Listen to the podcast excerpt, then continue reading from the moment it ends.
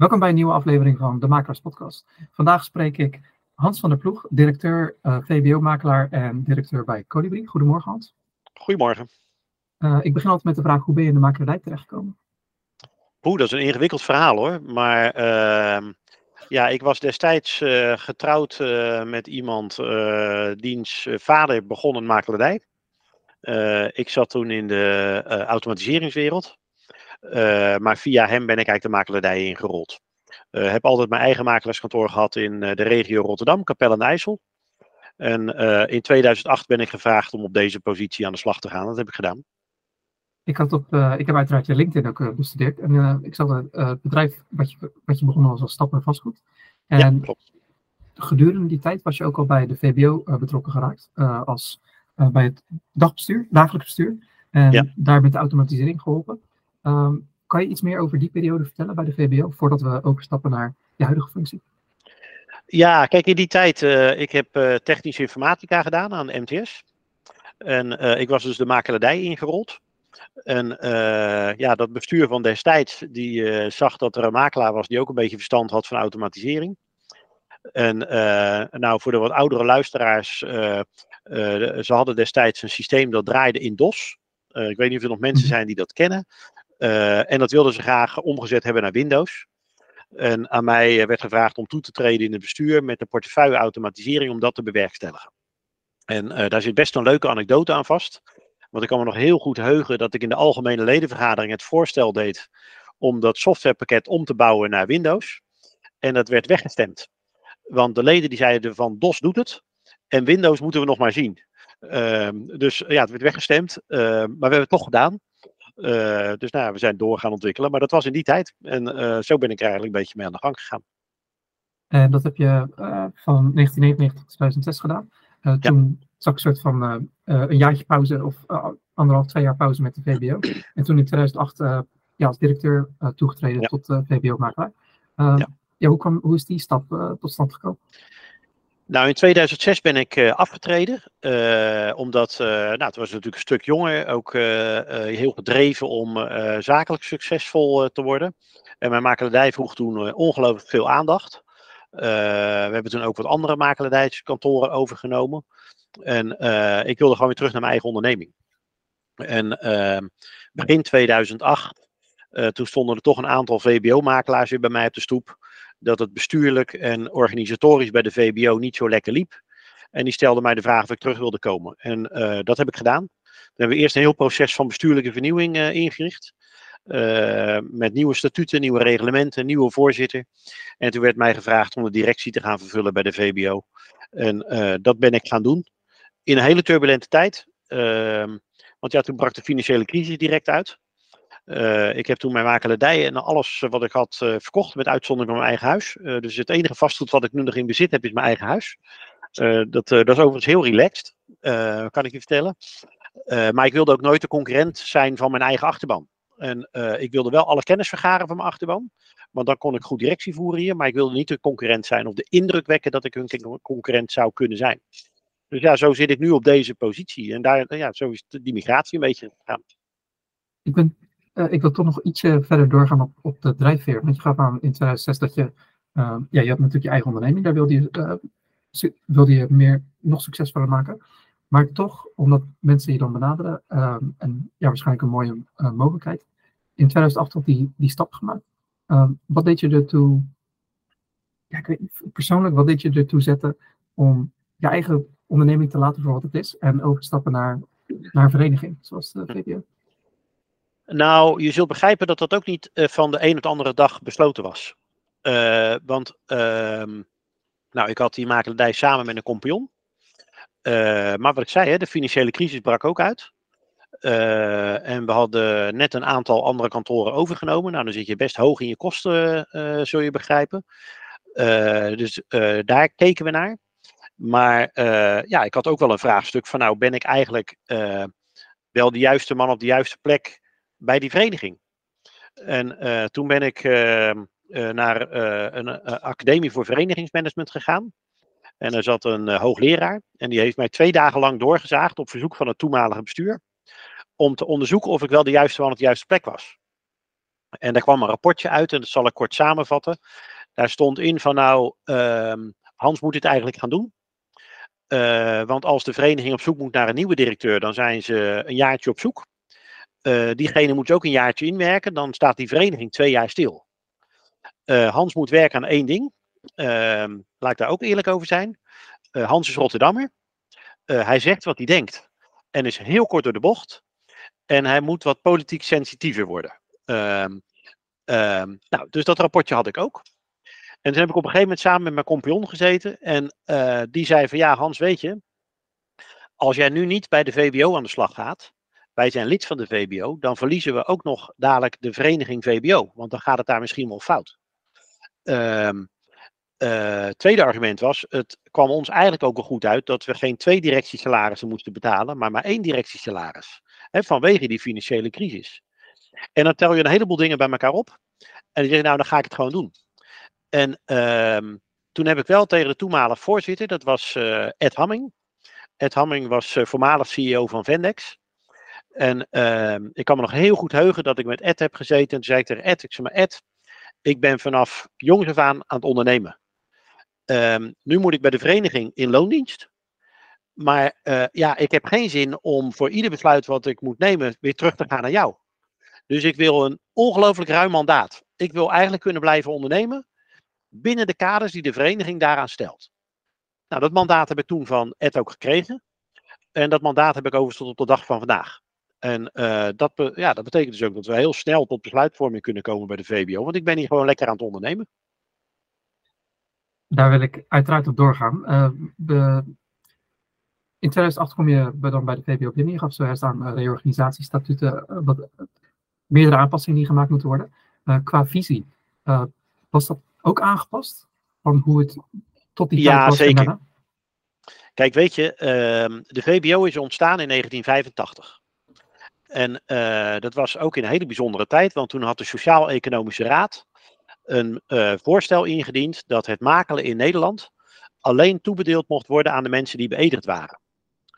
Uh, nou, er stonden toen een aantal beroepsbeoefenaren op en die zeiden ja, wij zijn niet beëdigd, want dat is een marktafschermingsspel, vonden ze destijds van de NVM. Maar wij, wij verkopen ook heel goed huizen. En er zijn nooit klachten over ons. Dus wij vinden dat we moeten kunnen blijven makelen. Nou, daar is de VBO uit ontstaan. De toenmalig directeur had natuurlijk eigenlijk maar één optie. En dat was consequent op de barricade staan.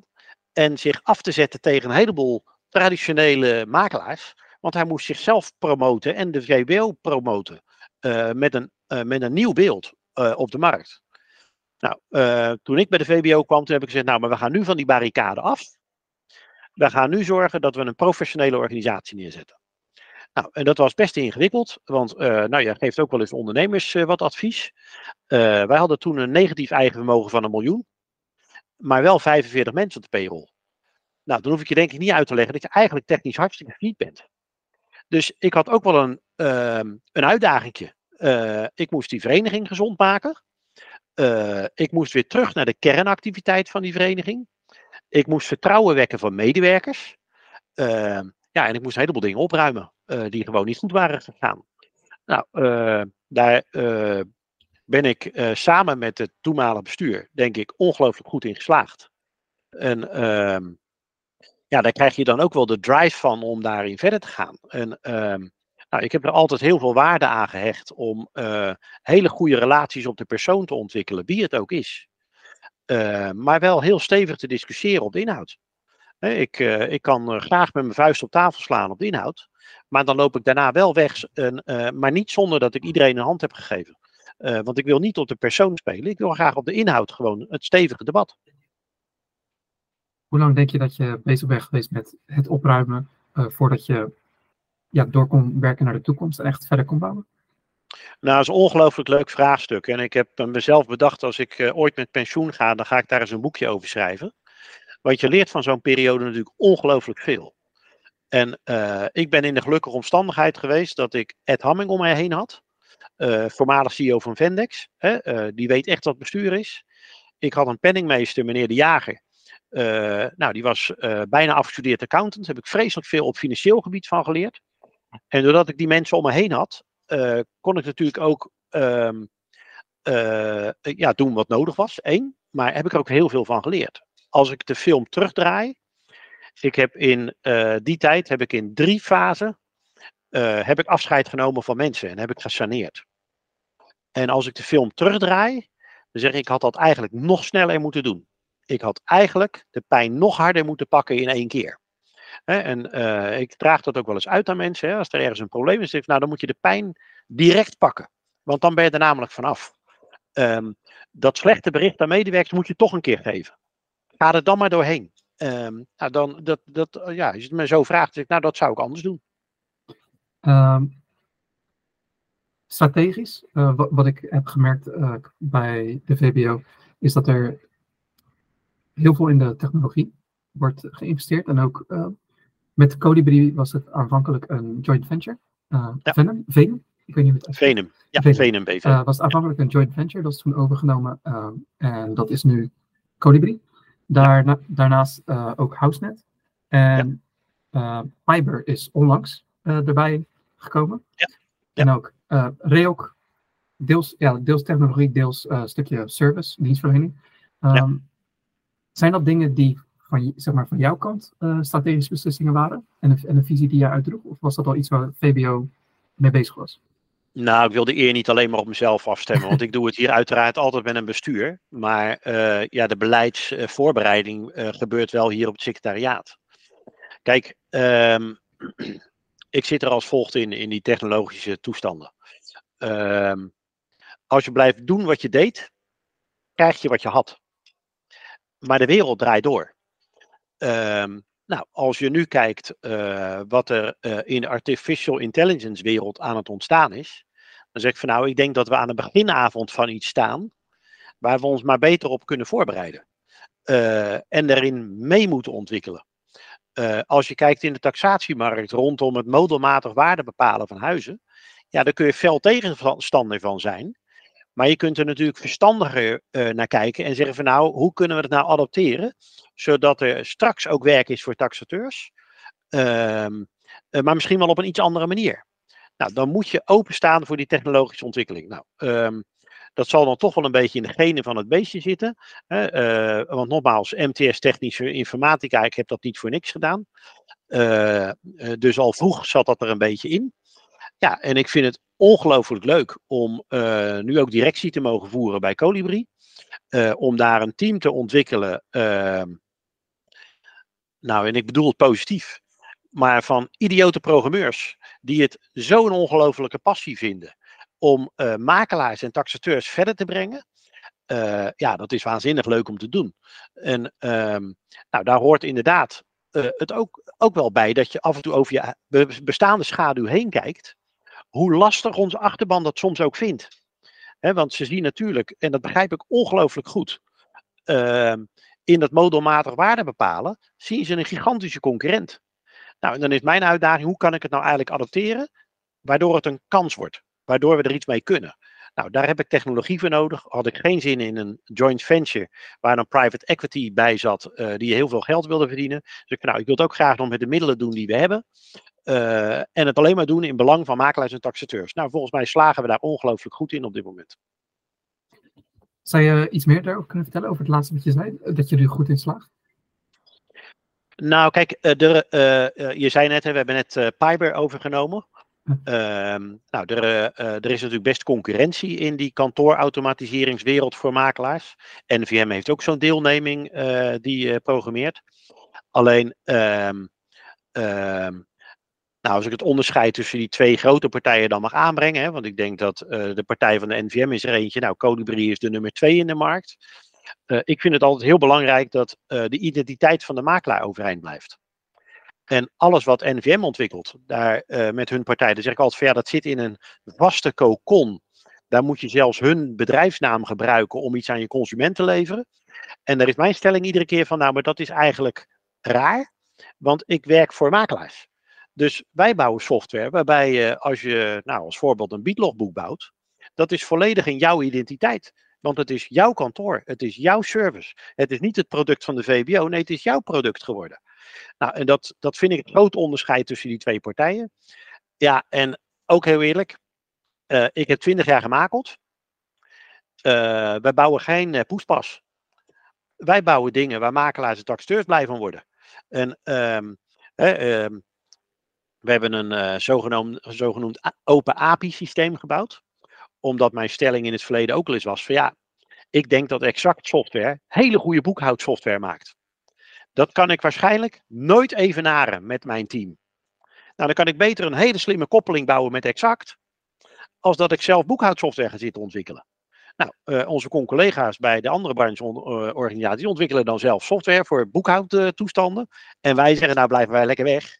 Uh, we zorgen dat we een hele goede deal hebben met Exact. Vinden we veel leuker. Nou, zo zitten we een beetje in die wedstrijd. Om het voor uh, de leken wat uit te leggen met een, met een API-structuur, ehm, is het meer, als je kijkt naar Microsoft, die maakt heel veel software zelf. dus als je bij Microsoft neem je alles af, uh, Word, PowerPoint en dergelijke, Teams. Maar met een API-structuur kan je beter denken aan een App Store of een Google Play Store. Uh, waarbij er applicaties van derde partijen beschikbaar zijn. Die dan vervolgens ja, op je iPhone of op je Android-telefoon kan, kan downloaden. Ja, nou, eigenlijk kort samengevat. Wij hebben heel onze database hebben we eigenlijk open voor allerlei, part, allerlei partijen die op ons willen ko koppelen. En wij vinden het allemaal prima. Als je een heel goed product hebt waar makelaars heel blij van worden, kun je bij ons koppelen op een vrij eenvoudige en eenduidige manier. En uh, nou, daar hebben we eigenlijk altijd maar één eis bij. Het moet in belang zijn van makelaars en taxateurs. In hun identiteit. Wat ik merk als ik kijk naar technologie is, hoe meer technologie... Nieuwe technologie zorgt ervoor dat een nieuwe technologie mogelijk is. En het is een soort alsof, ja, het, het, als een olievlek spijt zich uit. Uh, en dat betekent, maar dat betekent ook qua investeringen dat je de keuzes die je maakt, moet je nog meer toetsen eigenlijk. Waar kies ik voor? En een bepaalde richting uh, opgaan. Um, hoe kijk je daar, hoe, ja, hoe kijk je daar nu tegenaan? Uh, hoe bepaal je nu investeringen in bepaalde technologieën? Nou, kijk, weet je, die is ongelooflijk ingewikkeld, Jim. Um, want um, ik zeg eigenlijk altijd, de ambitie is veel groter dan de portemonnee. en wij doen het ook nog met de middelen van onze achterban. Dus we zijn geen zwaar commercieel bedrijf. Hè, dus ik zal er wel moeten bouwen tegen kostprijs. Nou, alleen dat al zeggen, maakt het ook wel moeilijk. En toch zeg ik van nou, ook dat is wel weer zo'n sport. Um, want als we nou heel goed kunnen uitdefiniëren, waar maken we makelaars en taxateurs nou blij, blij mee, dan zijn ze bereid om er ook voor te betalen, want dan wordt het een stukje efficiënter. Ja, en als we daar niet in slagen, ja, dan is het, dan is het, dan is het een, bijna een desinvestering. Nou, um, op die schaal wegen we het altijd. En uh, dat wordt uh, ja, af en toe ook wel eens heel spannend. Hè? We hebben nu zo'n beatlogboek gebouwd. Ja, makelaars zijn er niet altijd even enthousiast over. toch denk ik dat de mensen die het heel goed geïmplementeerd hebben in hun eigen bedrijfssystemen, dat ze daar tijdefficiëntie mee gewonnen hebben. Ehm, maar die slag, ja, het is voor een individuele makelaar heel moeilijk om ook in die technologie mee te gaan. Nou, daar, daar hebben we wel veel tijd en energie in zitten om dat voor elkaar te krijgen. Maar dat, ja, dat heeft direct betrekking op die investeringsagenda. En je moet heel goed meten ja, wat op welk moment. En um, dan is het ook nog wel lastig. Uh, 1600 uh, makelaarskantoren als klant uh, levert 1600 verschillende wensen op. En dat gaat ook niet. We moeten ergens een gulden middenweg vinden. ja, dus, ik vind het een leuke uitdaging, maar het is best ingewikkeld. Um, hoeveel, toen je begon als directeur in 2008, Hoeveel makelaarskantoren waren er destijds aangesloten? Nou, ik ben Ongeveer. begonnen met bijna duizend makelaarskantoren. en dat was ook in die tijd best heel vervelend. Want nou, één, die financiële crisis was er. Maar twee, het was ook nou allemaal niet zo lekker geadministreerd bij de VBO. Dus ik had bijvoorbeeld een aantal kantoren. Die hadden toen een aantal jaren contributieachterstand. En dan belde ik die kantoor op en dan zei ik van ja, ben nou van plan dat nog te gaan betalen en wat ga je volgend jaar doen? Dan zei ze nou ik ga volgend jaar denk ik wel betalen. Dan zei ik van ja, maar ik denk van niet, dus ik beëindig het lidmaatschap. Uh, er waren ook kantoren die niet voldeden aan hun permanente educatie. Dus we hebben toen ook nog opscholing gehouden. Uh, dus toen zijn we teruggezakt naar iets van 800 leden. nou, we zitten nu weer ruim op de 1400. Wat heb je voor jezelf of binnen de VBO moeten veranderen om eigenlijk het dubbele aantal makelaars nu te kunnen, uh, ja, van dienst kunnen zijn? Nou, het is, het is gewoon, um, maar dat is alles wat, wat je doet, vind ik altijd, focus houden. Kijk, Eh, en ik vind ook wel belangrijk, ehm, wij hebben een externe voorzitter, die komt van buitenaf. Die, dat is een echte retailer, Harry Bruinings. Ehm, ik zelf kom uit de makelaardij. Ik volg zelf alle permanente educatie nog. Ik bezoek ongelooflijk veel makelaarskantoren, omdat ik per se wil weten wat leeft er op die kantoren. En ik het debat met ze kan voeren. En dat ik weet waar ze het over hebben. Dat ik het begrijp wat ze bezighoudt. Um, nou, dan betekent het automatisch dat je vervolgens dingen gaat doen, zowel op beleidsmatig niveau als in de politieke arena in Den Haag en in Brussel. Dat we daar dingen doen die zo dicht bij makelaars liggen, waarbij politici wel eens zeggen van ja Hans kom alsjeblieft eens een bak koffie drinken, want ik heb nu tien lobbyisten gehad, dat is allemaal wollige taal. Kom jij nou vertellen wat recht aan de hand is? Ehm, nou, dan ga ik er weer op Rotterdams doorheen en uh, dan ga ik weer met een lach naar buiten. Uh, dat vind ik leuk om te doen. En dat maakt het ook gewoon heel scherp. En dan is het niet ingewikkeld om keuzes te maken met wat je moet doen. En soms ook dingen laten liggen waar je zegt, van, nou moet iemand anders doen. Uh, hoeven wij niet te doen. Dus die afweging laat je een soort, doordat je met zoveel mensen spreekt en daardoor zoveel meningen krijgt en wat er leeft, kan je daardoor zien van, ja, wat is het belangrijkste, omdat het het merendeel hierom geeft omdat het er urgent uitziet. En zo maak je dus de afweging. Ja, maar het is maar een deel van het totaal. Hè. Kijk, wij uh, uh, weer maar even naar het verleden. Uh, toen ik hier begon, toen waren ze gewend om een jaarlijks beleidsplan te schrijven. En dat was een pakket papier van een pagina 50, 60. En 49 ehm, pagina's gingen dan over het afgelopen jaar, hoe geweldig het was gegaan. En drie pagina's gingen over de toekomst. Nou, dat vond ik helemaal niks. Dus ik heb gezegd, nou, dat, zo kan ik niet werken. dus toen heb ik gezegd, nou, wij gaan een vijfjarige strategische visie schrijven. Uh, dus wij, uh, wij schrijven gewoon op, waar willen we over vijf jaar staan? En wat gaan we die vijf jaar doen? Nou, dat knippen we vervolgens in vijf jaarplannen. En wat doen we dan dit jaar? Dat knippen we zelfs in afdelingsplannen voor de verschillende afdelingen hier intern.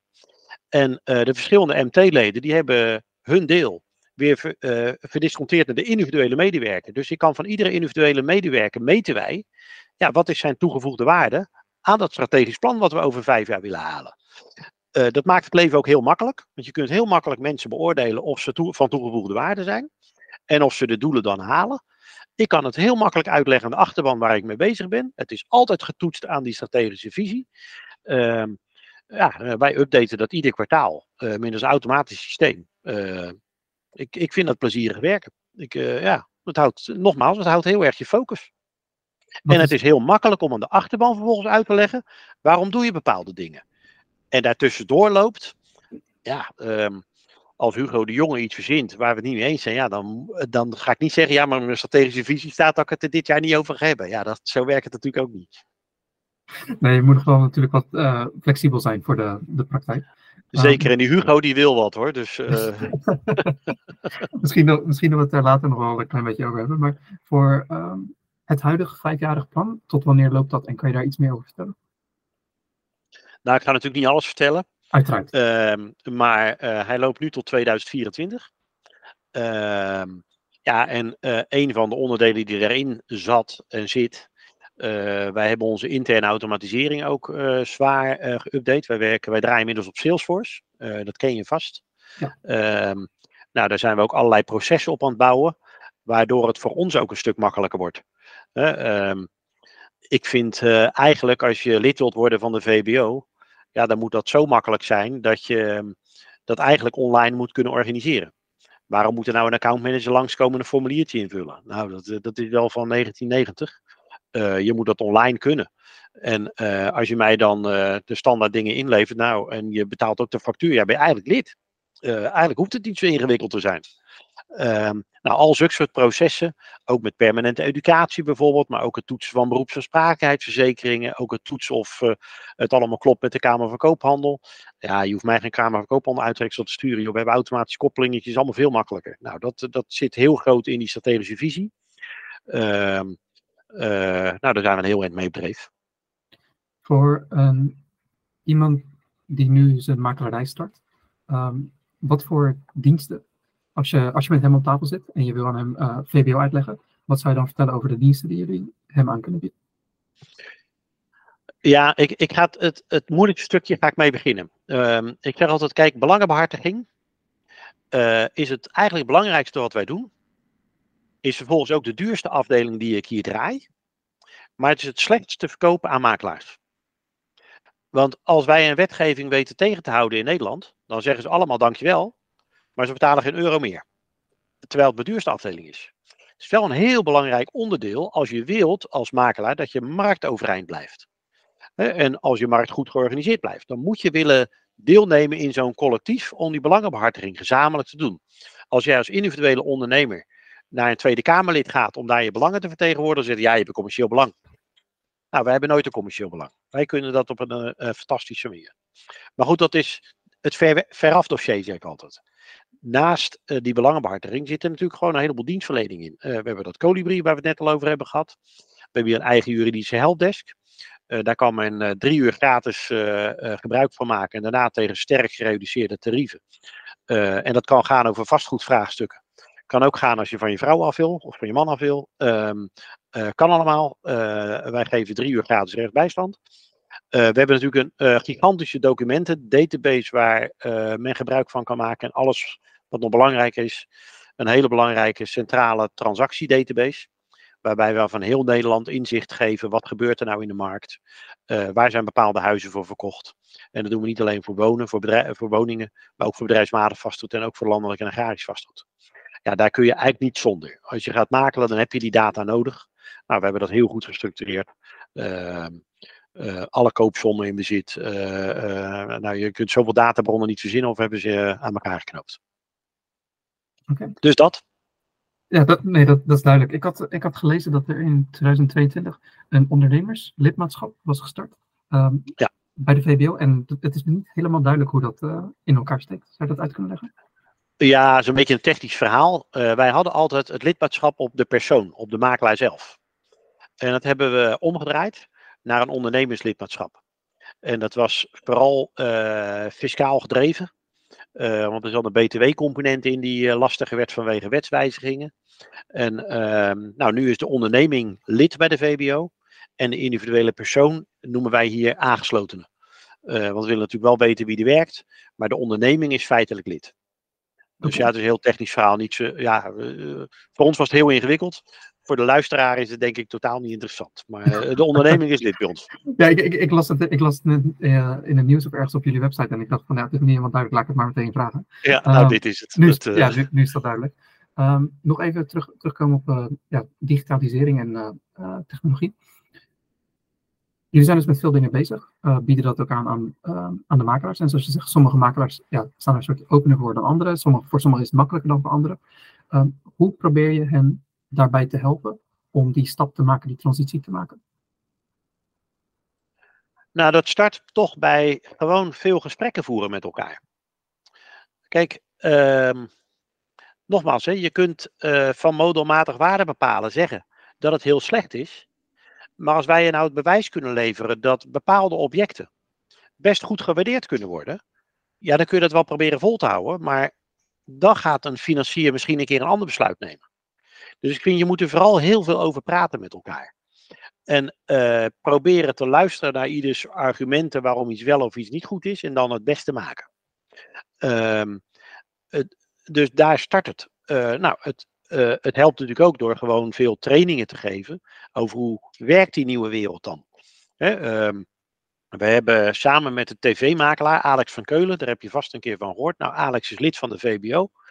Hebben wij het zogenaamde woondossier ontwikkeld.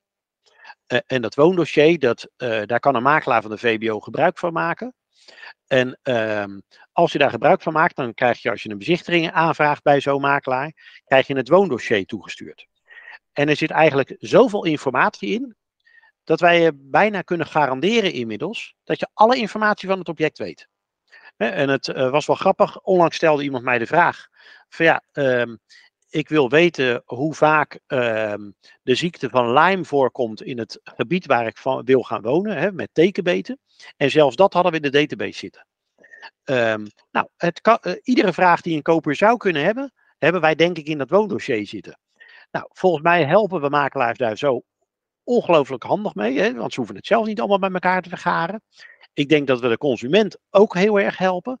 Want uh, ja, die kan met zo'n dossier gewoon eigenlijk iedere vraag stellen. En heeft het al in zijn database zitten. Hij kan het zo opzoeken. In het eigen productje wat hij heeft. Ja, dat vinden wij leuk om te doen. Nou, dan moeten we makelaars in trainen. Hoe gebruik je dat dan? Hoe gebruik je dat in je verkoopgesprek? Hoe gebruik je dat in je gesprek tijdens bezichtiging? Ongelooflijk leuk om te doen.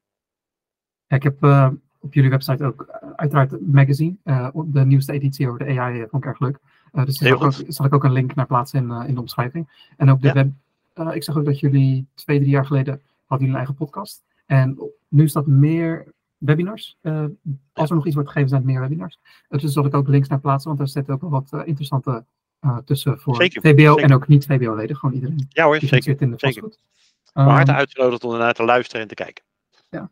Um, onlangs zijn jullie ook met um, CEPI, CEPI, met de Europese, ja. ja, hoe moet ik het uitleggen? Nou, dat is eigenlijk de, de, de Europese koepel van makelaarsverenigingen. Ja, en daar zijn jullie nu mee bezig. En jullie hebben ook al makelaars het MMCP. Uh, ja, allemaal ingewikkelde termen. ja, klopt, klopt, klopt, klopt. Het MMCP-certificaat. Uh, certificaat gegeven. Uh, zou je daar iets meer over kunnen vertellen? Ja, nou, ik mocht een jaartje geleden zelfs in de Board of Directors toetreden bij CEPI. Um, en uh, CEPI is eigenlijk ons platform waarbij we, uh, waar via we in Brussel belangenbehartiging doen. um, want ja, je kunt je voorstellen dat als ik naar Brussel toe rij en met een Europarlementariër wil praten, dat de VBO hem niet zoveel zegt. Um, maar SEPI wel, want daar zijn uit mijn hoofd uh, eh, 48 landen bij aangesloten. Nou, uh, SEPI heeft ook eigenlijk minimale kwaliteitseisen ontwikkeld voor makelaars. en dan zeg ik van nou, dat vind ik buitengewoon interessant. Want we hebben hier de SCVM als register voor makelaars. er is nog een tweede partij, dat heet Vastgoedcheck. Um, die doen van allerlei normen aan kwaliteitseisen voor makelaars stellen. Dus ik vind, ja, maar als er nou een hoger orgaan is, dat dat op Europees niveau regelt, dan wordt het op termijn misschien makkelijker voor een Nederlandse makelaar om ook cliënten te begeleiden in België of Duitsland of in de randgebieden. Um, maar ik vind ook wel, ja, zo'n Europese certificering is natuurlijk verstandiger als dat je dat in een land zelf gaat zitten verzinnen. Dus nou, wij proberen dat nu bij CEPI uh, wat groter te maken, wat beter te maken. Ik stel tevreden vast dat ook Vastgoedpro daar nu aan meedoet, ook NVM daar nu aan meedoet. Uh, nou, dan uh, kunnen we misschien die registers in Nederland een keertje opzeggen, uh, gewoon opheffen. is ook een beetje goedkoper voor makelaars. is misschien ook een beetje efficiënter voor makelaars. is ook zo'n dingetje wat in onze strategische visie staat om eens te kijken, moeten alle systemen die we nu hebben ontwikkeld wel blijven bestaan? Nou, dit is er eentje van waarbij ik daar wel twijfels over heb.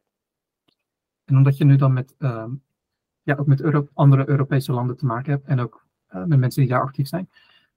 Uh, wat ik zie als ik online kijk naar Nederland ten opzichte van bijvoorbeeld Duitsland, België, andere landen in Europa, is Nederland op technisch gebied in, in de makelarij wel wat verder dan andere landen, heb ik het gevoel. Um, hoe ervaar je dat met, met die kwaliteitsnormen? Nou, CEPI brengt jaarlijks een uh, rapport uit. Dat kun je ook vinden op hun website over uh, een benchmark tussen die verschillende landen op makelaarsniveau. Uh, heel interessant om te lezen. Ehm, maar daar zitten natuurlijk verschillen. kijk, en heel eerlijk, ik kom altijd helemaal afgepeigerd uit die vergaderingen. Want je moet je voorstellen dat daar al die landen aan tafel zitten. En dan krijg je Spaans, Engels, Frans, Engels, Iers, Engels, Grieks, Engels, Roemeens, Engels. Uh, krijg je allemaal over je heen. En aan het eind van de dag moet je ook nog begrijpen waar het over ging.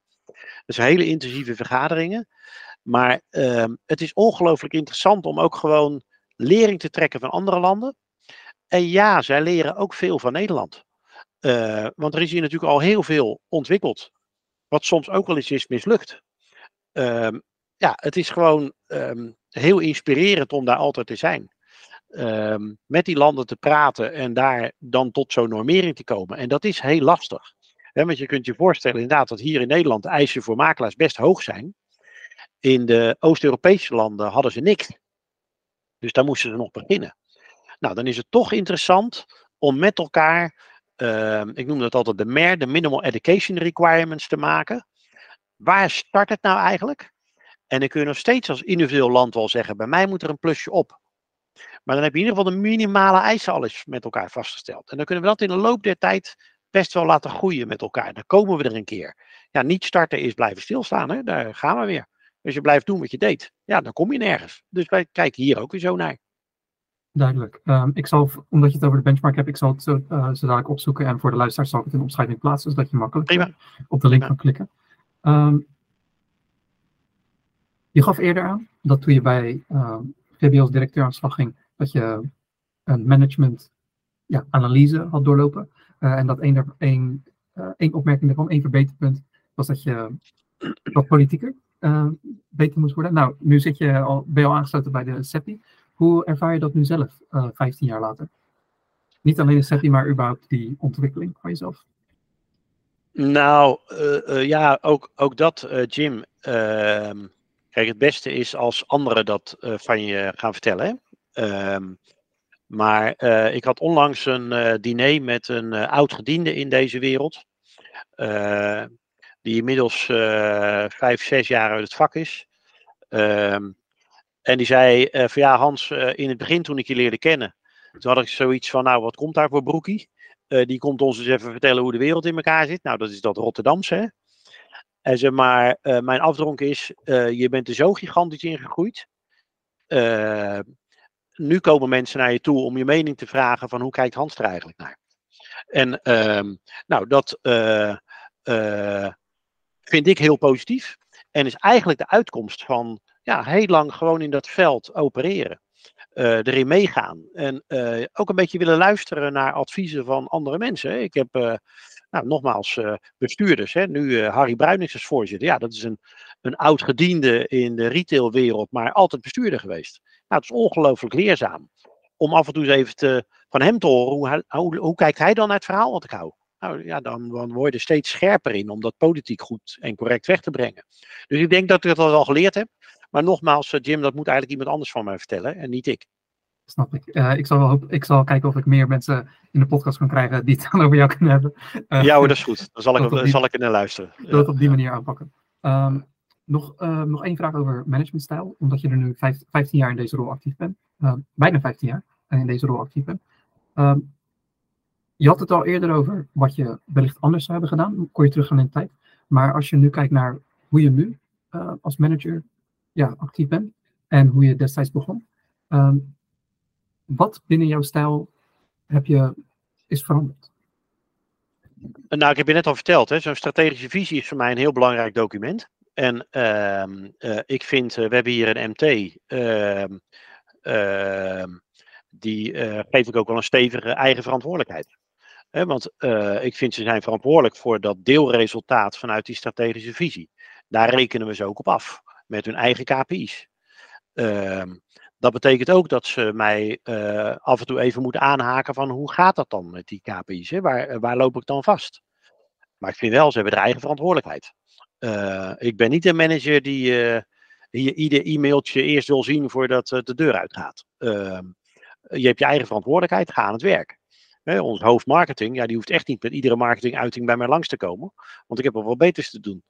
Dat, is, dat, dat, is haar eigen verantwoordelijkheid. En dan mag er ook iets fout gaan. Hè? Dat vind ik, ik nou, vind ik ook een bepaalde managementstijl. Hè? Ehm, ik accepteer niet dat een, een van mijn leden een medewerker van mij uitstaat te kafferen.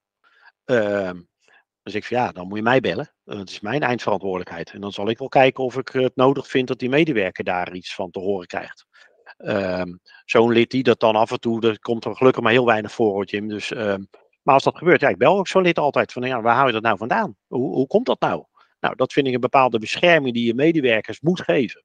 Om die eigen verantwoordelijkheid ook te kunnen dragen. Nou, dat werkt uh, volgens mij heel plezierig. Uh, gaat het ook vooruit? Uh, tweede voorbeeld was mijn uh, manager beleid, uh, Tristan Bons. Als die op ieder gesprek wat hij in Den Haag of in Brussel voert, eerst met mij moet vooroverleggen om te bedenken wat hij mag zeggen. Ja, dat is een onmogelijke route. Ehm, we hebben strategische kaders en daarbinnen moet het passen. En dan eigen verantwoordelijkheid.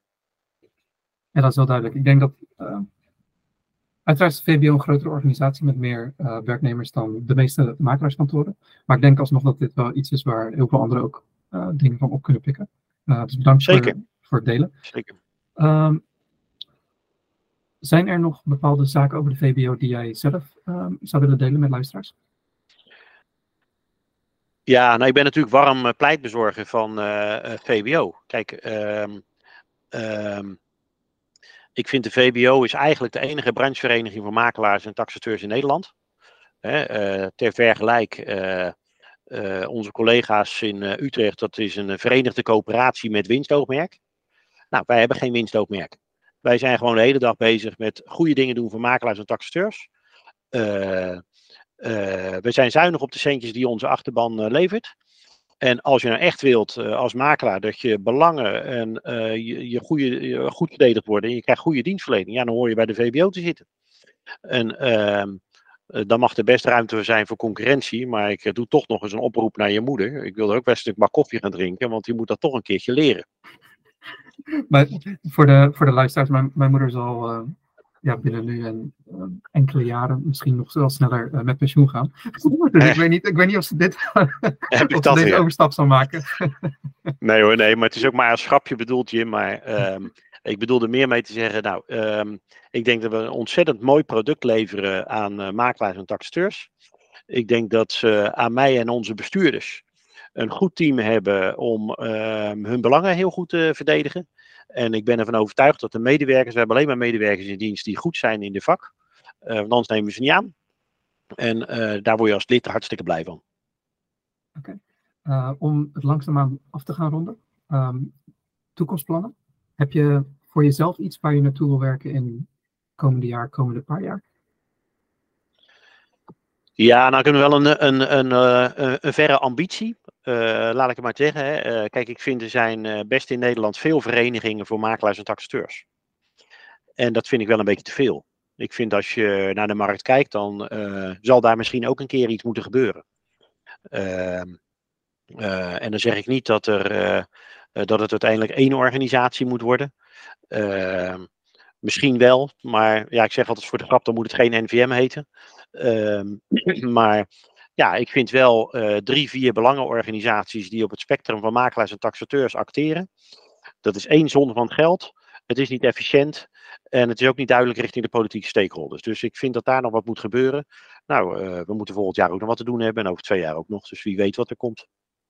Is er met uh, specifiek de VBO nog iets wat je, ja, wat je graag zou willen bewerkstelligen? Ja, je hebt het er net al kort over gehad. Hè? Kijk, wij hebben gewoon een grote ICT-uitdaging. En um, ook vanwege die technologische snelle ontwikkeling. Uh, daar hebben we gewoon meters te maken. En uh, misschien is dat dan wel de meest enge opgave waar we voor staan.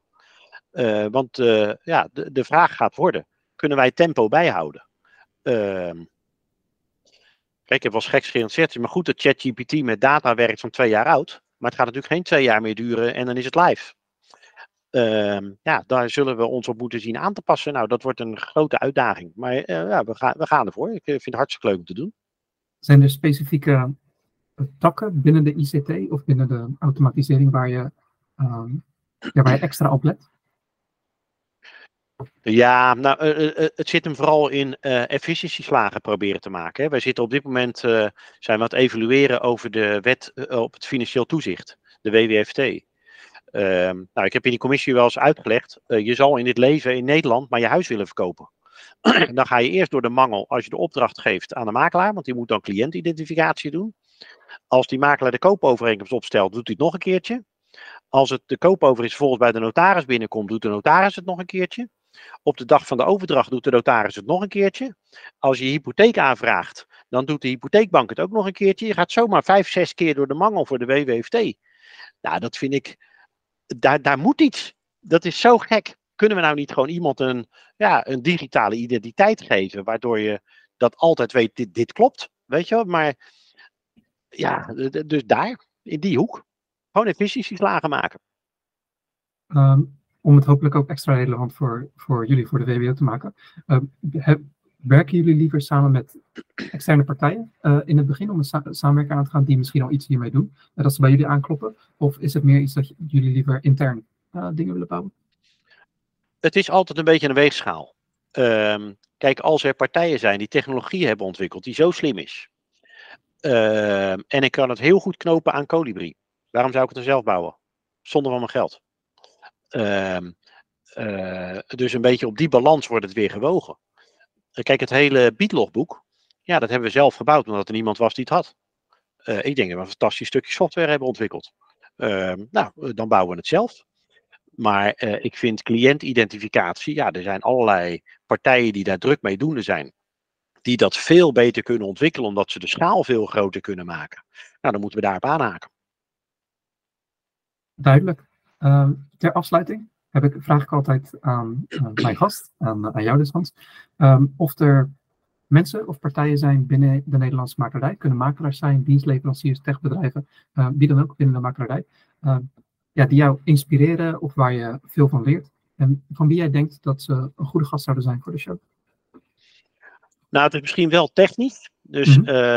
eh, maar ik zou je uitnodigen om uh, ook misschien eens te kijken of je professor Berghout een keer eh, in de podcast kunt krijgen. Tom, Tom Berghout zit aan Nijrode. Mm Ja, en daar leer ik ontzettend veel van. hij zegt altijd dat hij veel van mij leert. nou, hij is hoogleraar, dus het kan niet waar zijn dat hij dan van mij iets leert. maar ik leer veel van hem. Ik mag hem ook erg graag. Ehm, en hij is ook zo iemand die ja, in je leven ontmoet. En soms tegen je zegt, Hans, ik begrijp niet wat je zegt. Soms tegen je zegt, Hans, je bent niet goed bij je hoofd. Uh, maar het gaat altijd over een dossier. En dat vind ik zo plezierig. En daar is Tom het sprekende voorbeeld van. Hele plezierige man, maar het is vaktechnisch. Oké, zijn er uh, specifieke dingen uh, die je aanraadt waar ik het met hem over heb? Omdat je zegt dat je veel van hem leert. Nou, je zou met hem eens het gesprek kunnen voeren. Hij voert allerlei onderzoeken uit over de waardering in de toekomst. Uh, en daar bedoel ik mee, uh, de taxateur van nu geeft een waardering af waarbij er uitsluitend gekeken wordt naar historische transacties. En Tom doet onderzoek van, ja, kun je nou ook iets zeggen over de waardeontwikkeling van vastgoed in de nabije toekomst? Nou, dat is een ongelooflijk interessant onderwerp. Oké, okay. ik zal hem zeker, zeker benaderen. Bedankt voor de aanbeveling. En de allerlaatste, de allerlaatste vraag is, hoe kunnen mensen, makelaars, uh, IT-bedrijven, hoe kunnen zij contact met jou of met de VBO opnemen? Nou, ik sta bekend als iemand die uh, je altijd makkelijk kunt bellen. Uh, mijn telefoonnummer staat gewoon op LinkedIn. Uh, ik heb Facebook, ik heb, ik heb Instagram, ik heb Twitter, ehm, ik heb alles wat je maar kunt bedenken. En iedereen mag mij altijd bellen. Ehm, mijn vrouw zegt altijd, je werkt 24 uur per dag, 7 dagen in de week. Dat is ook zo. Als ik niet opneem, bel ik altijd terug. Want er zijn momenten dat ik ook even tijd en aandacht aan mijn vrouw geef. Oké, nou, ik denk dat ze dat uh, erg uh, waardeert en op prijs stelt. Ik zal ervoor zorgen dat, uh, dat alles wat je juist noemde, dat het in de omschrijving staat, zodat het voor iedereen weer makkelijk is. wij, spreken, wij spreken elkaar, denk ik weer, zodra ik in Nederland ben, over een paar maanden. Lijkt me heel gezellig. Ehm, ik wil je bedanken voor, voor je tijd, Hans. Graag gedaan. En nou, ik zie de podcast tegemoet. Dan gaan we hem delen in de achterban. Ja, en voor luisteraars en kijkers, tot de volgende keer.